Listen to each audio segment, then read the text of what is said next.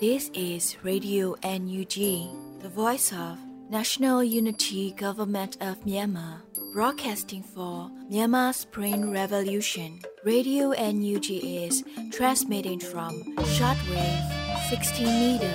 17.79 megahertz at 8:30 a.m. and 25 meter 11.94 megahertz at 8:30 p.m. Myanmar Standard Time. မင်္ဂလာပါရှင်။အမျိုးသားညီညွတ်ရေးအစိုးရရဲ့အတန်လွတ်ဌာန Radio NUG ကိုမန္တပိုင်း၈နိုင်ခွဲမှာလိုင်းတူ6မီတာ19.3ခွန်ကုန်းမဂါဟတ်စ်နဲ့ညပိုင်း၈နိုင်ခွဲမှာလိုင်းတူ25မီတာ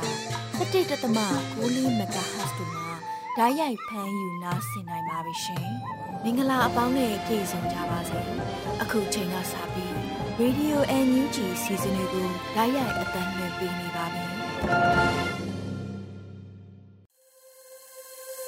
မင်္ဂလာညချမ်းပါခင်ဗျာရေဒီယို UNG ရဲ့ညပိုင်းထုတ်လွှင့်မှုအစီအစဉ်များကိုစတင်ပါတော့မယ်အစီအစဉ်မစတင်မီမှာတောတာရှင်တွေဘေးကင်းရန်ကွာကျမ်းမာကြပါစေလို့ကျွန်တော်တို့အားလုံးကဆုတောင်းမေတ္တာပို့တာပါတယ်အခုချိန်ကစပြီးပြည်တွင်းသတင်းများကိုຫນွေဦးမောင်ကဖတ်ကြားပေးပါတော့မယ်ခင်ဗျာ Radio NUG ညပိုင်းပြည်တွင်းသတင်းများကိုဖတ်ကြားတင်ပြပေးပါတော့မယ်ကျွန်တော်ကတော့ຫນွေဦးမောင်ပါခင်ဗျာပထမဦးဆုံးသတင်းအနေနဲ့အမျိုးသမီးလူငယ်နဲ့ကလေးတငယ်ရေးရာဝန်ကြီးဌာနရဲ့ထုတ်ပြန်ချက်သတင်းပဲဖြစ်ပါတယ်ဒီတောင်စုသမရမြန်မာနိုင်ငံတော်အမျိုးသားညီညွတ်ရေးအစိုးရအမျိုးသမီးလူငယ်နဲ့ကလေးတငယ်ရေးရာဝန်ကြီးဌာနနဲ့ လူအခွင့်အရေးဆိုင်ရာဝန်ကြီးဌာနတို့ရဲ့ထုတ်ပြန်ချက်တင်မြင့်ဆောင်2022ကို2022ခုနှစ်နိုဝင်ဘာလ20ရက်နေ့မှာအခုလိုထုတ်ပြန်လိုက်ပါတယ်။ရခိုင်ပြည်နယ်မောင်တော်မြို့နယ်ကြေးချောင်းချေရွာတွင်စစ်ကောင်စီတပ်မှပြစ်ခတ်သည့်လက်နက်ကြီးများကြားရောက်လာမှုကြောင့်ကလေးတငယ်များနဲ့ရွာသားများတိုက်ဆုံမှုအပေါ်ထုတ်ပြန်ချက်၁2022ခုနှစ်နိုဝင်ဘာလ16ရက်နေ့တွင်အကြမ်းဖက်စစ်ကောင်စီတပ်၏ကျိန်ချောင်း24ဂိတ်နာခခခုနှစ်တည်ရှိသည့်နေရာမှပြစ်ခတ်လိုက်သည့်လက်နက်ကြီးကြီးထိမှန်၍မောင်တော်မြို့နယ် ဂိတ်ချောင်းကျေးရွာတွင်ကလေးတငယ်၄ဦးအရက်သားပြည်သူ17ဦးသေဆုံးခဲ့ပြီး28ဦးထိခိုက်ဒဏ်ရာရရှိခဲ့ပါသည်။နှစ်အလားတူကြောက်တော်မြို့နယ်ချောင်းတူကျေးရွာတွင်စစ်ကောင်စီတပ်၏လက်နက်ကြီးပစ်ခတ်ခဲ့မှုကြောင့်အမျိုးသမီး2ဦးထိခိုက်ဒဏ်ရာရပြီးအမျိုးသား4ဦးသေဆုံးခဲ့ပါသည်။ထိုနေ့တရက်ထဲ၌ပင်ကလေးငယ်၄ဦးအပါအဝင်အရက်သားပြည်သူ15ဦးစုစုပေါင်း19ဦးသေဆုံးပြီးဒဏ်ရာရသူ29ဦးရှိပါသည်။3 အကြမ်းဖက်စစ်ကောင်စီ၏ရခိုင်ပြည်နယ်မောင်တော်အပါအဝင်မြန်မာနိုင်ငံအနှံ့အပြားတွင်လက်နက်ကြီးဖြင့်တိုက်ခိုက်မှုလုပ်ရသည့်စစ်ကောင်စီအနေဖြင့်ကလေးငယ်များနှင့်အရက်သားများအပေါ်လက်နက်ကင်ပရိပခအတွင်လူသားချင်းစာနာမှုဆိုင်ရာပြစ်မှုကိုဖောက်ဖျက်ကျူးလွန်ခြင်းဖြစ်ပါသည်။ယခုအကြမ်းဖက်တိုက်ခိုက်မှုသည် Jennifer Convention တဘောတူညီချက်များကိုကျူးလွန်ချိုးဖောက်ခြင်းဖြစ်ပါသည်။လေ UN General Assembly Resolution A/RES/54/263 အရာ လက်နက်ကင်ပဋိပက္ခအခြေအနေများတွင်ကလေးတငယ်များအားပြစ်မှတ်ထားတိုက်ခိုက်ခြင်းနဲ့နိုင်ငံတကာဥပဒေအရအကာအကွယ်ပေးထားသောအရာများကိုတိုက်ခိုက်ခြင်းများကိုကမ္ဘာကုလသမဂ္ဂနဲ့အာဆီယံအပါအဝင်နိုင်ငံတကာအဖွဲ့အစည်းများလူမှုအဖွဲ့အစည်းများမှအားလုံးပူးပေါင်းပြီးရှုံချရန်နဲ့အကြမ်းဖက်စစ်ကောင်စီအားလက်နက်များဖြန့်ဖြူးရောင်းချပြုလုပ်လျက်ရှိသည့်ကုမ္ပဏီများကိုပိတ်ဆို့အရေးယူဆောင်ရွက်နိုင်ရန်အလေးနက်ထားပြီးတောင်းဆိုအပ်ပါသည်။ငါ အကြမ်းဖက်စစ်အုပ်စု၏ရာဇဝတ်မှုများကိုမျက်ကွယ်ပြုခြင်းသည်ရာဇဝတ်မှုများဆက်လက်ကျူးလွန်ရန်အားပေးရာရောက်သည့်ဖြစ်၍အားပေးထောက်ခံသည့်အပြုတ်မှုမှန်သမျှကိုမပြုလုပ်ကြရန်မိမိတို့အနေဖြင့်နိုင်ငံတကာကိုအလေးနက်တောင်းဆိုသည်ထို့ပြင်အကြမ်းဖက်စစ်အုပ်စုကကျူးလွန်နေသည့်နိုင်ငံတကာရာဇဝတ်မှုများအမြန်ဆုံးရပ်တန့်နိုင်ရန်နဲ့တရားမျှတမှုဖော်ဆောင်နိုင်ရေးအတွက်အမျိုးသားညီညွတ်ရေးအစိုးရနဲ့အတူတကွအရေးတကြီးပံ့ပိုးကူညီဆောင်ရွက်ပေးကြပါရန်တိုက်တွန်းတောင်းဆိုအပ်ပါသည်6 အမျိုးသမီးလူငယ်နဲ့ကလေးတငယ်ရေးရာဝန်ကြီးဌာနနဲ့လူအခွင့်အရေးဆိုင်ရာဝန်ကြီးဌာနတို့သည်တပ်ဆိုင်ရာဝန်ကြီးဌာနများနဲ့ပူးပေါင်း၍ယခုကဲ့သို့သောကြီးလေးသည့်လူအခွင့်အရေးချိုးဖောက်မှုများကိုမှတ်တမ်းရယူတဲ့ကဲ့သို့လူအခွင့်အရေးချိုးဖောက်ခံရမှုအားကာကွယ်ရေးပြန်လည်ကုစားရေးနဲ့တရားမျှတမှုရှာဖွေရေးကျူးလွန်သူများအားတရားဥပဒေနည်းလမ်းတကျအပြစ်ပေးအရေးယူနိုင်ရေးကိုဒီဇိုင်းမမတ်ဆက်လက်ဆောင်ရွက်သွားမှာဖြစ်ကြောင်းထုတ်ပြန်လိုက်ပါတယ်ခင်ဗျာ ဆက်လက်ပြီးမီးရှို့ခံနေရတဲ့ရွာကစစ်ပေးရှောင်2000ကျော်အတွက်အကူအညီတောင်းခံနေရတဲ့တဲ့တင်ကိုတင်ဆက်ပေးပါမယ်။စကိုင်းတိုင်းဒေသကြီးရွှေဘိုခရိုင်ခင်ဦးမြို့နယ်အတွင်းကပေါင်းလဲကုန်းရွာကိုအကြမ်းဖက်မီးရှို့ပြီးတပ်ဆွဲထားတဲ့စစ်ကောင်စီတပ်တွေဟာနိုဝင်ဘာလ20ရက်နေ့မနက်ခင်းမှာလဲရွှေဘုံမြို့နယ်မြောက်ချမ်းလက်ရကုန်းကျေးရွာကိုထပ်မံမီးရှို့ခဲ့ကြောင်းခင်ဦးမြို့နယ်သတင်းမှန်ပြန်ကြားရေးအဖွဲ့ကသတင်းထုတ်ပြန်ခဲ့ကြပါတယ်။ ရေဦးမြို့ကနေထွက်လာတဲ့အင်အားတရာခန့်စစ်ကောင်စီစစ်ကြောင်းဟာနိုဝင်ဘာ15ရက်နေ့ကတည်းကခင်ဦးအနောက်တောင်ကျန်းကျေးရွာတွေကိုတောက်လျှောက်စစ်ကြောင်းထိုးနေခဲ့တာပါ။နိုဝင်ဘာ18ရက်ညကတည်းကပေါင်းလဲကုန်းကျေးရွာကနေအိမ်တွေကိုမိရှို့ခဲ့ပါတယ်။ပြီးတော့နိုဝင်ဘာ19ရက်မနက်9:50မိနစ်50မှာလဲအဲ့ဒီရွာကိုနောက်တစ်ချိန်ထပ်မံပြီးမိရှို့ခဲ့ပါတယ်။ စစ်ကောင်စီတပ်များရဲ့နှစ်ကြိမ်မီးရှို့ခဲ့မှုကြောင့်ပေါင်းလဲကုန်းရွာကအင်ချီ200ဝန်းကျင်မီးတဲ့ပါသွားခဲ့တယ်လို့သိရပြီးယခုချိန်ထိရွာသားတွေဟာရွာကိုပြန်မကတ်နိုင်ကြသေးပဲဘေးလိုရာကိုရှောင်တိန်နေရသေးတယ်လို့သတင်းမှာဖော်ပြထားပါတယ်။ပေါင်းလဲကုန်းရွာနဲ့ရွှေဘုံနယ်လေးရာကုန်းကျေးရွာတို့ကိုမီးရှို့ခဲ့တဲ့စစ်ကောင်စီစစ်ကြောင်းတက်ဟာ OMC မူးမောင်အရှိတ်လက်ပံကြီးရွာလက်နက်ကြီးငယ်များရန်တမ်းပစ်ခတ်ဝင်ရောက်ခဲ့ပြီးမနက်10:00နာရီအချိန်မှာမီးစတင်ရှို့ခဲ့ပါတယ်။ ခင်ဦးနယ်စီစုံလေးရွာဘက်ရောက်နေသောကမ်ဘလူးဘက်မှလာတဲ့စစ်ကောင်စီစစ်ကြောင်းနှစ်ဟာလည်းနိုဝင်ဘာလ20ရက်မနက်ပိုင်းမှာပြည်သူပိုင်နေအိမ်များကိုထပ်မံပြီးမိရှို့ခဲ့ကြောင်းခင်ဦးမြို့နယ်တနင်္မှန်ပြန်ကြားရေးကဖော်ပြပါတယ်။အဆိုပါရွှေဘိုမြို့နယ်အတွင်းရွာလေးရွာကနေထွက်ပြေးနေတဲ့စစ်ဆောင်အရေးအတွက်က2000ကျော်ရှိနေပြီးအဲ့ဒီစစ်ဘေးရှောင်တွေအတွက်လိုအပ်နေတဲ့အနှွေးတဲ့စောင်းတဲ့စားစရာတွေကိုကူညီပေးနိုင်ကြဖို့ခင်ဦးမြို့နယ်တရင်မှန်ပြန်ကြားရေးအဖွဲ့ကအကူအညီတောင်းခံနေပါတယ်။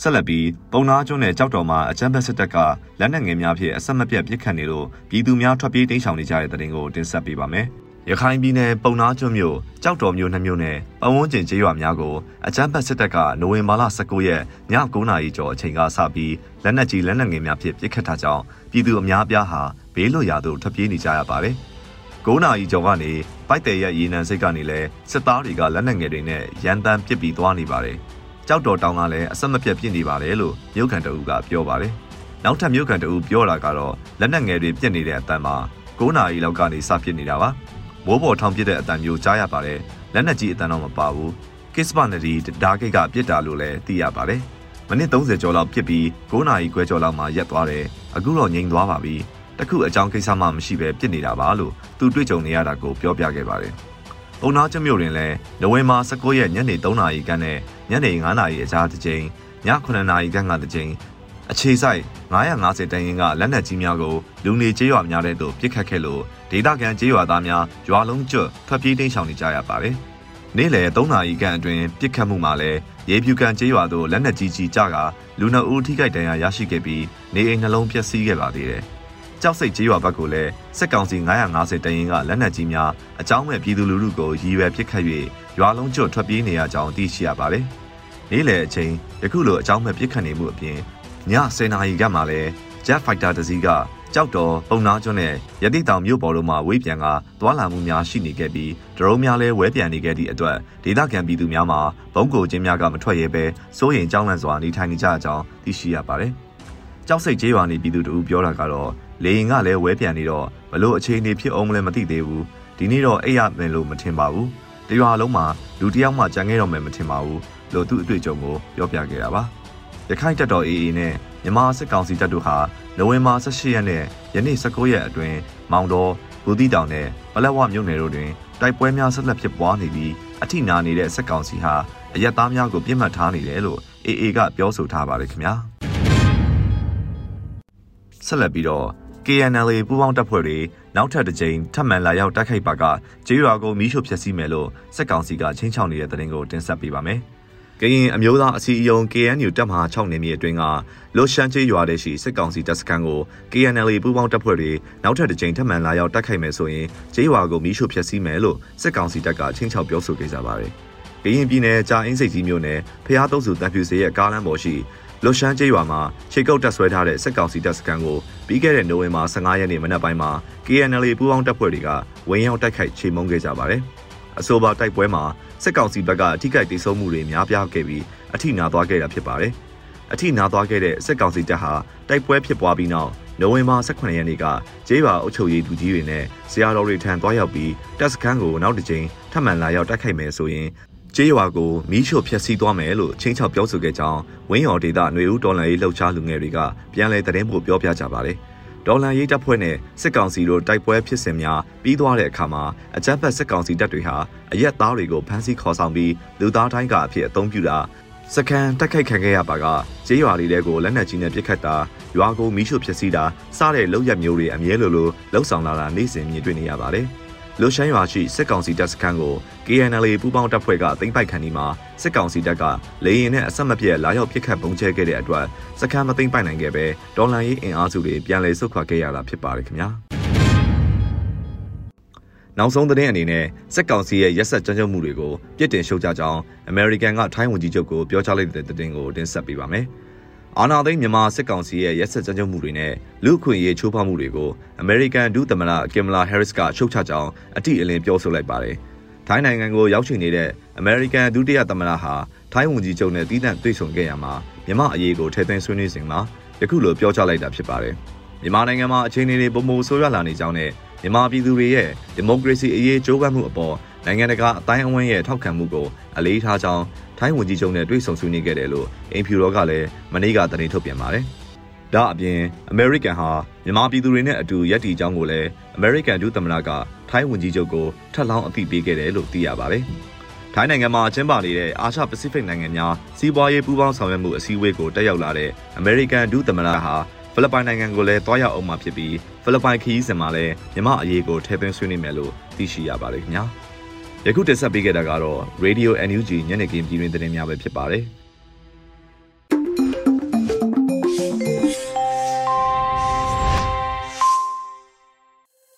သောတာရှင်များယခုနားဆင်ခဲ့ကြရတာကတော့ Radio UNG ရဲ့ပြည်တွင်းသတင်းများပဲဖြစ်ပါတယ်။ဆက်လက်ပြီးတော့တော်လိုင်းကြီးကြပြတဲ့ပုတ်ကိုစီစဉ်ထားပါတယ်။ခွေးအစွဲက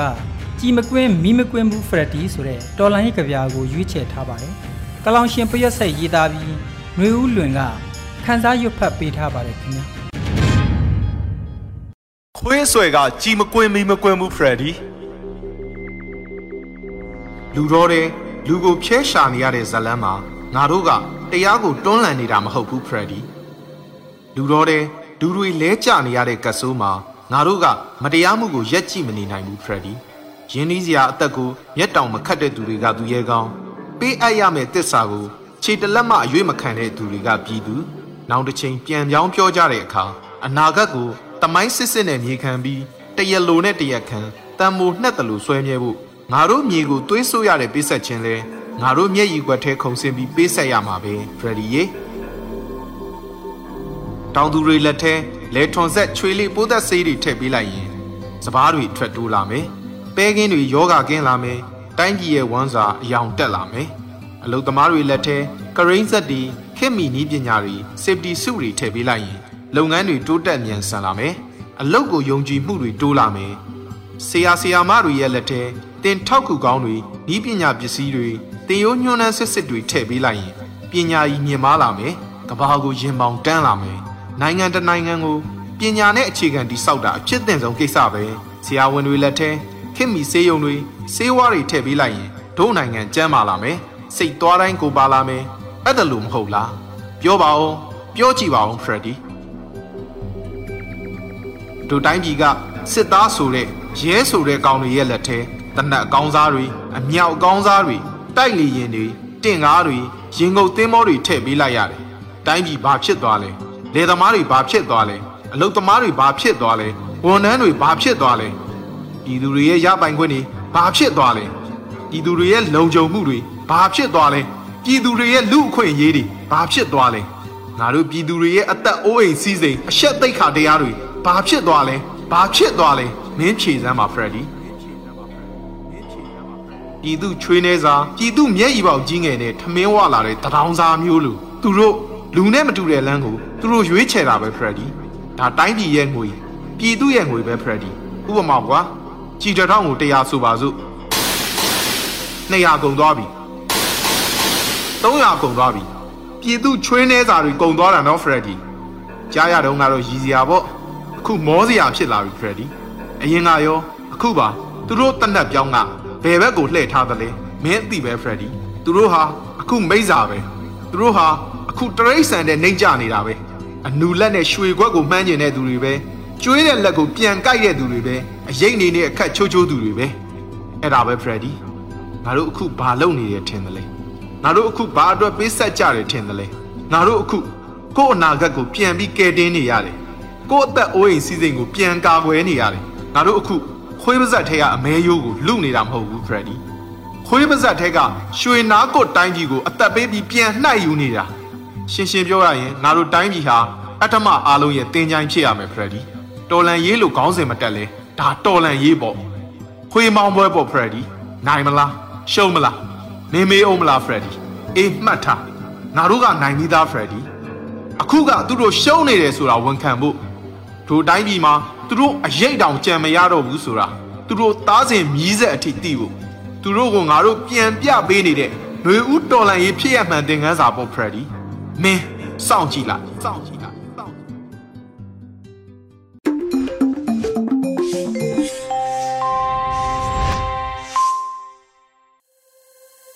ရေဒီယို UNG မှာဆက်လက်တန်လှည့်လျက်ရှိနေပါတယ်ဆက်လက်ပြီးနားဆင်ရမှာကဆောင်းပါးကန္တာဖြစ်ပါတယ်ထိပ်သီးညီလာခံတွေကမြမအရေးဆွေးနွေးမှုမြန်မာနိုင်ငံအထက်ပိုင်းကညီလာမိရှုခံရဆဲကြေးရွာများအမည်နဲ့မိုးမခဆောင်းပါးကိုစောတဲလူနေကဖတ်ကြားတင်ပြပေးထားပါတယ်ခင်ဗျာ ထိပ်သီးညီလာခံတွေကမြမအရေးဆွေးနွေးမှုမြန်မာနိုင်ငံထပ်ပိုင်းကမြေလံမီရှုခံရဆဲကြေးရွာများအမည်ရတယ်။မြမနွေဦးခရိုနီကယ်နိုဝင်ဘာ19မြင်ကွင်းဆောင်မအားစတင်ဖတ်ကြားပေးပါမယ်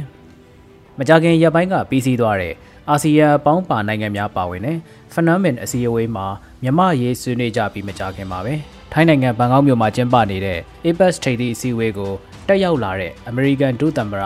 ကင်မလာဟဲရစ်နဲ့ထိုင်းဝန်ကြီးချုပ်တို့တီးခြားတွေ့ဆုံရမှာလဲမြန်မာနိုင်ငံရေးကိုထည့်သွင်းဆွေးနွေးခဲ့တယ်လို့သတင်းတွေမှာဖော်ပြထားပါတယ်။အာဆီယံနှစ်ပတ်လည်အစည်းအဝေးကတော့မြန်မာနိုင်ငံရဲ့နိုင်ငံရေးပြည်တွင်းစစ်ပဋိပက္ခနဲ့ပတ်သက်လို့ပိုပြီးအလေးထားဆွေးနွေးခဲ့ကြကစုပ်ဖြတ်ချက်တွေလည်းချမှတ်ခဲ့ကြတာဖြစ်ပါတယ်။အာဆီယံမူ၅ချက်ကိုအချိန်ကန့်သတ်မှုပါဝင်လာအောင်သတ်မှတ်ကတိုးတက်မှုရှိမရှိတိုက်တာမှုစံတွေသတ်မှတ်တာတွေလုပ်ခဲ့ကြတယ်လို့လည်းသတင်းတွေထဲဖော်ပြထားပါတယ်။တနစ်ခွဲကျော်တာလာသည့်တိုင်အောင် အာဆီယံမူ၅ချက်ကအကောင့်ထဲမပေါ်နိုင်တဲ့အတွက်အခုလိုအချိန်ကတ်သက်ချက်နဲ့အကဲဖြတ်ရမယ့်စံတွေတွက်ဖက်သတ်မှတ်ခဲ့ကြတာဖြစ်ပါတယ်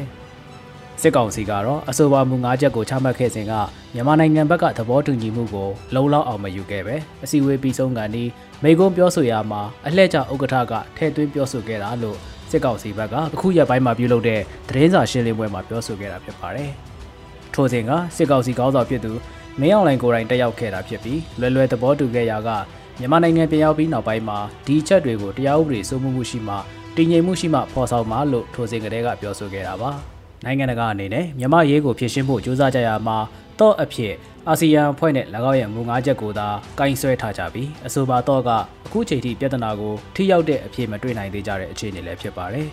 အာဆီယံအနေနဲ့မြန်မာနိုင်ငံရေးမှာပါဝင်ဖြစ်ရှင်းနိုင်လောက်အောင်စစ်ကောင်စီကိုဩဇာပေးနိုင်တဲ့အနေအထားမရှိဘူးလို့လည်းအခြားရှုထောင့်ကသုံးသပ်မယ်ဆိုသုံးသပ်လို့ရပါတယ်။ မြန်မာနိုင်ငံရဲ့အိမ်နီးချင်းနိုင်ငံလည်းဖြစ်မြန်မာနိုင်ငံတွင်းမှာလည်းမဟာဗျူဟာဆိုင်ရာအကျိုးစီးပွားအချို့နဲ့တိုင်းရင်းသားလက်နက်ကိုင်အဖွဲ့တချို့ပေါ်မှာဩဇာညောင်းတယ်လို့သတ်မှတ်ထားကြတဲ့တရုတ်နိုင်ငံတည်ပဲလေစစ်ကောင်စီအပေါ်ဩဇာရှိတဲ့အနေအထားမျိုးမဟုတ်ဘူးလို့ဆိုရမှာဖြစ်ပါတယ်။စစ်ကောင်စီကလက်နက်ဝယ်ယူခွင့်ရရှိဖို့နဲ့ကုလသမဂ္ဂလိုနေရာမှာဗီဒီယိုအာဏာသုံးပြီးကာကွယ်ပေးဖို့ချင်းကပ်ခဲ့တဲ့နိုင်ငံကအရေးစစ်အစိုးရတွေလက်ထက်တုန်းကအာကိုခဲ့တဲ့တရုတ်နိုင်ငံမဟုတ်ပဲရုရှားနိုင်ငံဖြစ်ပါတယ်။ ရုရှားနဲ့အိန္ဒိချင်းမဟုတ်တာဝေးကွာတဲ့ပထဝီနေသားမှာရှိတာဒီရှေ့တောင်အာရှမှာရုရှားအနေနဲ့ရီမန်းချက်ကြီးကြီးမားမားမရှိတော့တဲ့အချက်တွေပေါ်မူတည်ပြီးစစ်ကောင်စီကအာကိုခဲ့ပုံလည်းပေါ်ပါတယ်။မြန်မာနိုင်ငံရဲ့ရေကစစ်ကောင်စီရဲ့လက်နက်ဝယ်ယူမှုနဲ့ပတ်သက်လို့လက်တွေ့ကြတဲ့ပိတ်ဆို့တားဆီးနိုင်မှသာဖိအားပေးနိုင်မှာဖြစ်ပြီးအဲ့လိုမဟုတ်ပဲနိုင်ငံတနိုင်ငံစီကဝယ်ယူရရှိနိုင်နေတဲ့အနေအထားမျိုးမှာတော့စစ်ကောင်စီအနေနဲ့အရေးထားမှာမဟုတ်ဘူးလို့မှန်းဆရတဲ့အနေအထားဖြစ်ပါတယ်။ အခုလိုနိုင်ငံတကာအစည်းအဝေးတွေမှာမြမရေးဖြည့်ရှင်းဖို့အပြေရှားတိုက်တွန်းနေကြချိန်မှာပြည်တွင်းမှာတော့စစ်ကောင်စီတပ်တွေကကြေးရွာတွေကိုရေလံမီးရှို့တာတွေ PDF လို့တန်တရားနဲ့တပ်ဖြတ်တာတွေဥပဒေမဲ့ညှင်းဆဲတပ်ဖြတ်တာတွေဆက်လက်လှုပ်ဆောင်နေဆဲဖြစ်ပါတယ်။ဒီနေ့သတင်းတွေထဲမှာစကိုင်းတိုင်းကခင်ဦးမြို့နယ်ထဲမှာကြေးရွာတွေကိုစစ်ကြောင်းထိုးဝင်ရောက်ပြီးနေအိမ်တွေမီးရှို့တဲ့တဲ့ဖော်ပြထားတာတွေ့ရပါတယ်။အ ਨੇ ဆုံးနေအိမ်တရားဝင်းကျင်မီးရှို့ခံရပြီးကြေးရွာသားတွေထွက်ပြေးတိတ်ရှောင်နေကြရတယ်လို့လည်းဖော်ပြထားပါတယ်။ ဒီလိုဖြစ်ပျက်တွေကနေ့စဉ်လိုလိုကြားသိနေရတဲ့သတင်းမျိုးဖြစ်လို့ဖတ်ရှုရသူအဖို့မထူးဆန်းတော့တဲ့အနေအထားတောင်ဖြစ်နေပေမဲ့ဒီလိုဖြစ်ပျက်တွေကြုံတွေ့နေရတဲ့ဒေသခံလူထုတွေအဖို့တော့ဘဝတသက်တာမှာတစ်ကြိမ်သာကြုံရတဲ့အသက်ဘေးပိုင်ဆိုင်မှုဆုံးရှုံးရခြင်းတွေဖြစ်ပါတယ်။ ဒီလိုတသက်မှာတစ်ခါကြုံကြရတဲ့တပ်ဖြတ်ခံရနိုင်တဲ့ဘေးရနေရဲ့လောက်အားနဲ့စုဆောင်းတိဆောက်ထားတဲ့နေအိမ်သုံးဆောင်ရိတ်ခါတွေမိရှို့ဖျက်ဆီးခံကြရတဲ့ခြေနေမျိုးတွေကနေကောက်ွယ်ပေးနိုင်ဖို့လက်ရှိအနေထားမှာအရေးကြီးဆုံးအချက်ဖြစ်တာကိုတော်လှန်ရေးအဖွဲ့တွေအနေနဲ့သတိပြုလှုပ်ဆောင်သင့်နေပြီဖြစ်ပါတယ်။ဒီလိုအန်ဒီယမျိုးကနေကောက်ွယ်ပေးနိုင်မှသာလျက်လူလူထံကအားကိုးထောက်ခံမှုပုံမရရှိမှာဖြစ်ပြီးပြည်သူ့ကာကွယ်ရေးဖွဲ့ဆိုတဲ့အမည်နဲ့အတိတ်ပဲလည်းပြည့်စုံတော့မှာဖြစ်ပါတော့တယ်ခင်ဗျာ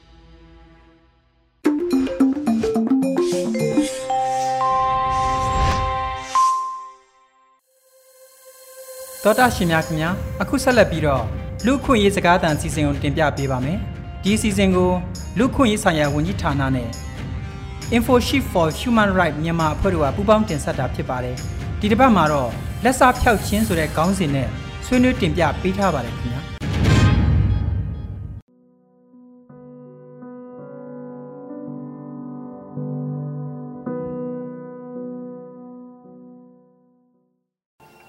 မိမိချစ်ခင်နှစ်သက်ရတဲ့သူတွေရုတ်တရက်ပျောက်ဆုံးသွားတာဘယ်နေရာဘယ်စီရောက်မှန်းမသိဘာတရင်အချက်လက်မှမရတာဒီလိုဖြစ်စဉ်တွေဟာတိတ်ပံစမ်းကြယ်မဟုတ်ပေမဲ့ကျမတို့မြန်မာနိုင်ငံမှာတော့နေ့စဉ်နဲ့အမျှဖြစ်ပေါ်နေတာပါမင်းအောင်နိုင်ဥဆောင်တဲ့အကြမ်းဖက်စက်ကောင်စီတပ်ဟာနိုင်ငံတော်အာဏာကိုအတ္တမလူယူပြီးမတရားအာဏာထိမ့်သိမ်းခြင်းတဲ့အတွက်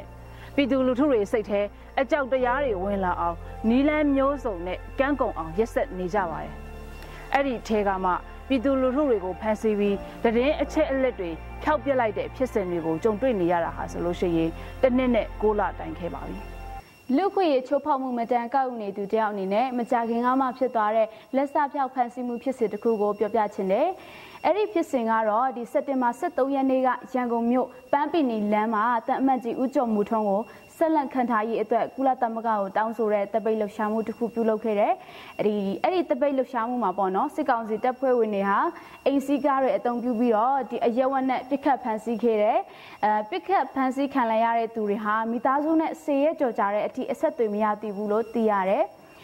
အဲ့ဒီဖန်ဆီးမှုမှာဆန္ဒပြတပိတ်လူငယ်တွေ journalist တွေပြီးတော့မြန်မာနိုင်ငံအလွတ်သမားသမဂ္ဂများအဖွဲ့ချုပ် CTUM ကအလွတ်သမားသမဂ္ဂအဖွဲ့ဝင်အပါအဝင်15ဦးထပ်မံဖမ်းဆီးတာကိုခံခဲ့ရတယ်။ဒီမိသားစုဝင်တွေဟာဖမ်းဆီးခံရတဲ့သူတွေနဲ့အဆက်အသွယ်မရကြဘူး။ကားနဲ့ဝင်ဖမ်းပြီးတော့မြို့မရေးစကန်ကိုခေါ်သွားတယ်ဆိုတာအပြင်ကျန်တာမှမတည်မရရှိသေးကြောင်းကိုဒီရန်ကုန်တပိတ်စစ်ကြောင်းလူငယ်တို့က BBC ကိုစက်တင်ဘာလ 25ရက်နေ့မှာတင်ထားတဲ့သတင်းတစ်ခုမှာပြောပြထားတာတွေ့ရတယ်။လက်ရှိအခြေအနေမှာမိသားစုဝင်တွေအနေနဲ့ဘယ်လောက်ထိပူးဆွေးတော့ကရောက်နေကြမလဲဆိုတာလူတိုင်းပုံဖော်ကြည့်လို့ရမှထင်ပါတယ်။ဟုတ်တယ်အကြံဖက်စက်ကောင်စီတပ်ဖွဲ့ဝင်တွေကပြည်သူလူထုတွေအနေနဲ့ဒီလိုပူဆွေးတော့ကရောက်မယ်ဆိုတာကိုသိရတာနဲ့ဒီလိုအကြံဖက်မှုတွေမတရားမှုတွေလူခွင့်ရေးချိုးဖောက်မှုတွေကိုပြောင်ပြောင်တင်းတင်းလှုပ်ဆောင်နေကြတာဖြစ်တယ် တကယ်တော့နိုင်ငံတကာကျမတို့ဒီပြဋ္ဌာန်းချက်တွေမှာဆိုလို့ရှိရင်လေလူတွေကိုအာဓမမပြောက်ဆုံးစေဖို့အတွက်တားမြစ်ထားတဲ့အရာတွေရှိတယ်။တကယ်တော့လူတစ်စုံတစ်ယောက်ကိုဖမ်းဆီးသွားပြီးတော့ဗာတရင်အချက်လက်မှမထုတ်တာစုံစမ်းစစ်ဆေးလို့မရတာတာဝန်ရှိတဲ့သူဒါမှမဟုတ်လို့ရှိရင်အဖွဲ့အစည်းတွေကပါပူးပေါင်းပါဝင်တာ တရင်ပေးဖို့ညှင်းဆန်နေတာဒီတရင်ကိုသိရှိတဲ့သူတွေကိုချိန်ချောက်ပြီးတော့မှပိတ်ပင်ထားတာတရင်အမားတွေထုတ်ပြန်တာဟာဆိုလို့ရှိရင် info disappearance လို့ခေါ်တဲ့အတင်းအဓမ္မเนาะလက်စားဖြောက်ခြင်းဆိုတဲ့ရာဇဝတ်မှုကိုကျူးလွန်နေတာပဲဖြစ်ပါတယ် နောက်ထပ်စစ်ကောင်စီရဲ့လက်စားဖျောက်ထားတဲ့လောင်းလုံးမျိုးအဖြစ်စဉ်တစ်ခုကိုကျွန်မထပ်ပြီးတော့ပြောချင်တယ်။အဲ့ဒီဖြစ်စဉ်ဟာဆိုလို့ရှိရင်ဒီဇူလိုင်လ26ရက်နေ့လောင်းလုံးမျိုးနေပညစ်ရွာကကိုမင်းစော်ကိုပေါ့နော်အမျိုးသားနှစ်ယောက်ကနေပြီးတော့ရေးစကန်းကခေါ်ရဲဆိုပြီးဒီစိုက်ကင်နဲ့ခေါ်ဆောင်သွားတယ်။လာရောက်တဲ့အချိန်မှာလေတနက်နဲ့ပြပြီးတော့နေအိမ်ကနေအတိတ်ကျခေါ်ဆောင်သွားတာမျိုးရှိတယ်။ဒီအဲ့ဒီညနေပိုင်းမှာပဲမိသားစုဝင်တွေဟာဒီလောင်းလုံးမျိုးနေရေးစကန်းကိုလိုက်သွားတဲ့အခါမှာတော့ အဲကိုမင်းစော်ကိုမတွေ့ရှိခဲ့ရဘူးပေါ့နော်ဒီလက်ရှိအခြေအနေအထိလည်းမိသားစုဝင်တွေဟာကိုမင်းစော်နဲ့အဆက်အသွယ်ရရှိခြင်းမရှိသေးဘူးလို့သိရတယ်လူတယောက်ကိုအမှန်တကယ်ဖမ်းဆီးသွားပါလျက်နဲ့ဖမ်းဆီးသွားကြောင်းညင်းဆန်နေတာဟာတာဝန်မဲ့တဲ့လောက်ရတစ်ခုလို့ဆိုရမှာပဲစက်ကောင်စီနဲ့အပေါင်းအပါတွေဟာဥပဒေကြောင်းရတာမကအကျင့်စာရိတ္တနဲ့စိတ်ပိုင်းဆိုင်ရာတွေပါဆန်းဆက်ဖို့လိုနေပြီအတင်းအဓမ္မပျောက်ဆုံးစေမှုတွေနဲ့ပတ်သက်ပြီးတော့မှ ICP ED လို့ခေါ်တဲ့နိုင်ငံတကာစာချုပ်နဲ့ လူ့အခွင့်အရေးကောင်စီရဲ့ဆုံးဖြတ်ချက်တွေမှာထည့်သွင်းပြဋ္ဌာန်းထားပြီးဖြစ်တယ်။နိုင်ငံတကာပြဋ္ဌာန်းချက်တွေကိုခဏထားပြည်တွင်းဥပဒေတွေဖြစ်တဲ့ရဲလက်ဆွဲအကျဉ်းထောင်ဥပဒေတွေမှာပြဋ္ဌာန်းထားတဲ့ပြဋ္ဌာန်းချက်တွေကိုတော့မလိုက်နာနိုင်ကြဘူး။ဟုတ်တယ်ပြီးခဲ့တဲ့စက်တင်ဘာတရက်နေ့ကကချင်ပြည်နယ်မုံကြီးမြို့နယ်နမားမြို့မှာလည်းအဲဒီလိုမျိုးလက်စဖျောက်ခံရတဲ့ဖြစ်စဉ်တစ်ခုရှိပါတယ် ကိုအောင်ထေးဦးလို့ခေါ်တဲ့ကိုရွှေဦးကိုစစ်ကောင်စီတပ်ဖွဲ့ဝင်တွေကတရက်နေ့ညနေပိုင်းမှာ CCTV ပြင်တဲ့သူဟန်ဆောင်ပြီးတော့ဆိုင်ထဲကိုဝင်လာတယ်။ဆိုင်ရှိမှာစစ်ကားနှစ်စီးကိုအတင်းရထားခဲ့ပြီးတော့ဒီနောက်ပိုင်းမှာဟင်းချက်နေတဲ့ကိုရွှေဦးကိုကားပေါ်တင်ပြီးတော့ဖမ်းဆီးခဲ့တယ်။အဲကိုရွှေဦးကတော့ဒီကုံစုံဆိုင်နဲ့စားတောက်ဆိုင်ဖွင့်ထားတဲ့ပရိုက်တာလူငယ်တူဦးလို့လည်းသိရတယ်။ဒီဖက်စီသွားတဲ့နေ့ကစပြီးတော့လက်ရှိအခြေအနေထိဘာသတင်းအစအနမှမရသေးကြောင်းကို The 74 Media မှာဖော်ပြထားတာကိုကျွန်မထပ်ပြီးတော့တွေ့ရတယ်။ဒီလိုလူတအိုးတယောက်ကိုအကြမ်းဖက်ဖမ်းဆီးပြီးတော့အစအနဖျောက်ပစ်လိုက်တယ်ဆိုတာကြီးမားတဲ့နိုင်ငံတကာရာဇဝတ်မှုကိုကျူးလွန်တာပါ။ဒီလိုမျိုးကြီးမားတဲ့ရာဇဝတ်မှုကိုကျူးလွန်နေတဲ့ဘယ်ပုဂ္ဂိုလ်ပဲအဖွဲ့အစည်းမဆိုပြစ်ဒဏ်ကနေကင်းလွတ်နေတာကိုလုံးဝလက်မခံနိုင်ဘူးလက်ခံလို့လည်းမရအောင်အခုဆိုရင်မဲအောင်လိုင်ဥဆောင်တဲ့ စက်ကောင်စီကိုအာဂျင်တီးနားတရားရုံးနဲ့တူရကီတရားရုံးတွေမှာတိုင်ကြားထားပြီးဖြစ်သလိုတခြားသောနိုင်ငံတွေရဲ့တရားရုံးတွေမှာလည်းတိုင်ကြားနိုင်ဖို့အတွက်ကြိုးစားနေကြတာရှိတယ်ဒီလိုပြမှုကျူးလွန်တဲ့သူတွေကိုထိထိရောက်ရောက်အရေးယူနိုင်မှသာလျှင်ပုံမကောင်းမွန်တဲ့လူအဖွဲ့အစည်းတစ်ခုကိုတည်ဆောက်နိုင်မှာဖြစ်ပါတယ်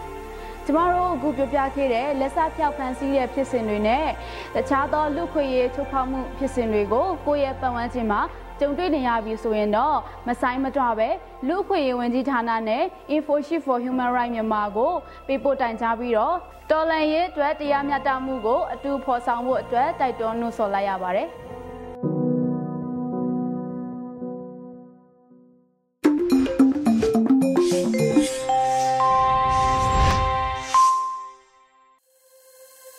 လူခွင့်ရေးဆိုင်ရာဝန်ကြီးဌာနရဲ့လူခွင့်ရေးစကားသံစီစဉ်ဝန်နာဆင်ခဲ့ကြတာဖြစ်ပါတယ်။ ဒီနေ့ရဲ့နောက်ဆုံးစီစဉ်အနေနဲ့အစိမ်းသားကောင်တွေလို့အမည်ရတဲ့တော်လိုင်းရေးတေးဂီတာတစ်ပုဒ်နဲ့ဖျော်ပြပေးပါမယ်။တေးရီလော့အောင်ကရေးသားပြီးမိုင်းမိုင်ဆိုင်ကတီဆိုတင်ဆက်ဖျော်ပြပေးထားပါတယ်ခင်ဗျာ။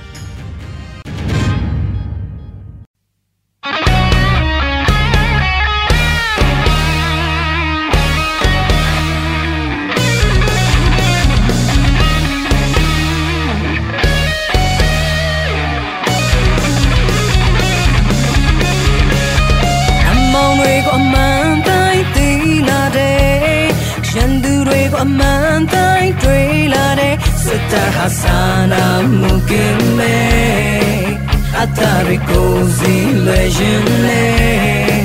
ရှိစနေတယ်ပြည်သူတွေပေါ်ပြန်ပြီးဆိုင်လာတယ်ပြည်သူတွေပေါ်ပြန်ပြီးမောင်းမာတဲ့ဆလဲကရှမ်းလုံးမှုရှင်နေစင်ဝတ်တွေပါတွေသိနာမလဲ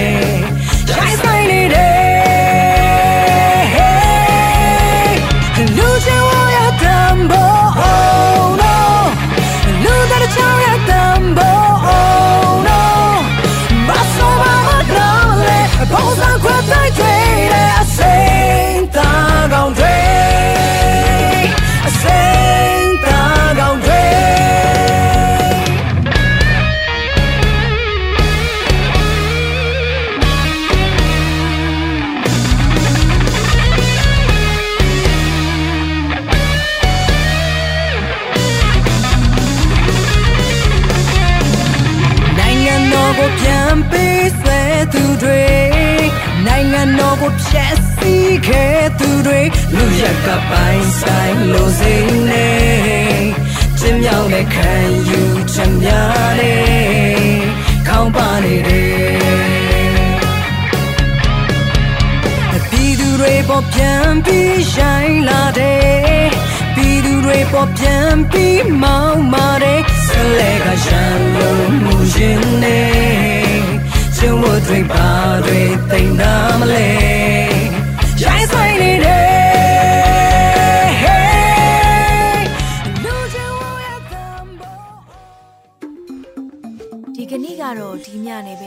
Radio NUG ရဲ့အစီအစဉ်လေးကိုခေတ္တရ延လိုက်ပါမယ်ရှင်မြန်မာစံတော်ချိန်မနေ့၈နိုင်ခွဲနဲ့ည၈နိုင်ခွဲအချိန်တွေမှာပြောင်းလဲဆိုပြကြပါလို့ရှင် Radio NUG ကိုမနေ့ပိုင်း၈နိုင်ခွဲမှာလိုင်းတူ16မီတာ19.7ခုကူမဂါဟတ်နဲ့ညပိုင်း၈နိုင်ခွဲမှာလိုင်းတူ25မီတာ17.6မဂါဟတ်တို့မှာဓာတ်ရိုက်ဖမ်းယူနာဆင်နိုင